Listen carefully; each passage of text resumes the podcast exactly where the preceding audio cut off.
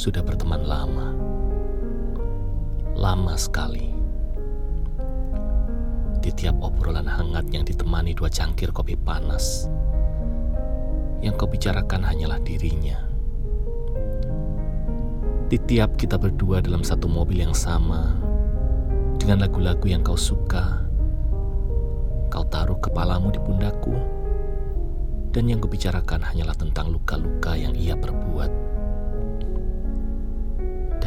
lagi-lagi, tugaskulah yang mendengarkan dan mengusap pelan luka-lukamu hingga tak lagi kau rasa nyeri. Aku tidak ingin menuntut. Hanya saja, suatu hari, bolehkah aku menggenggammu?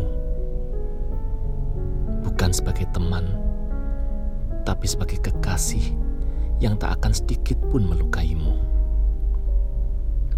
aku tahu itu adalah sesuatu yang paling mudah kulakukan kepadamu.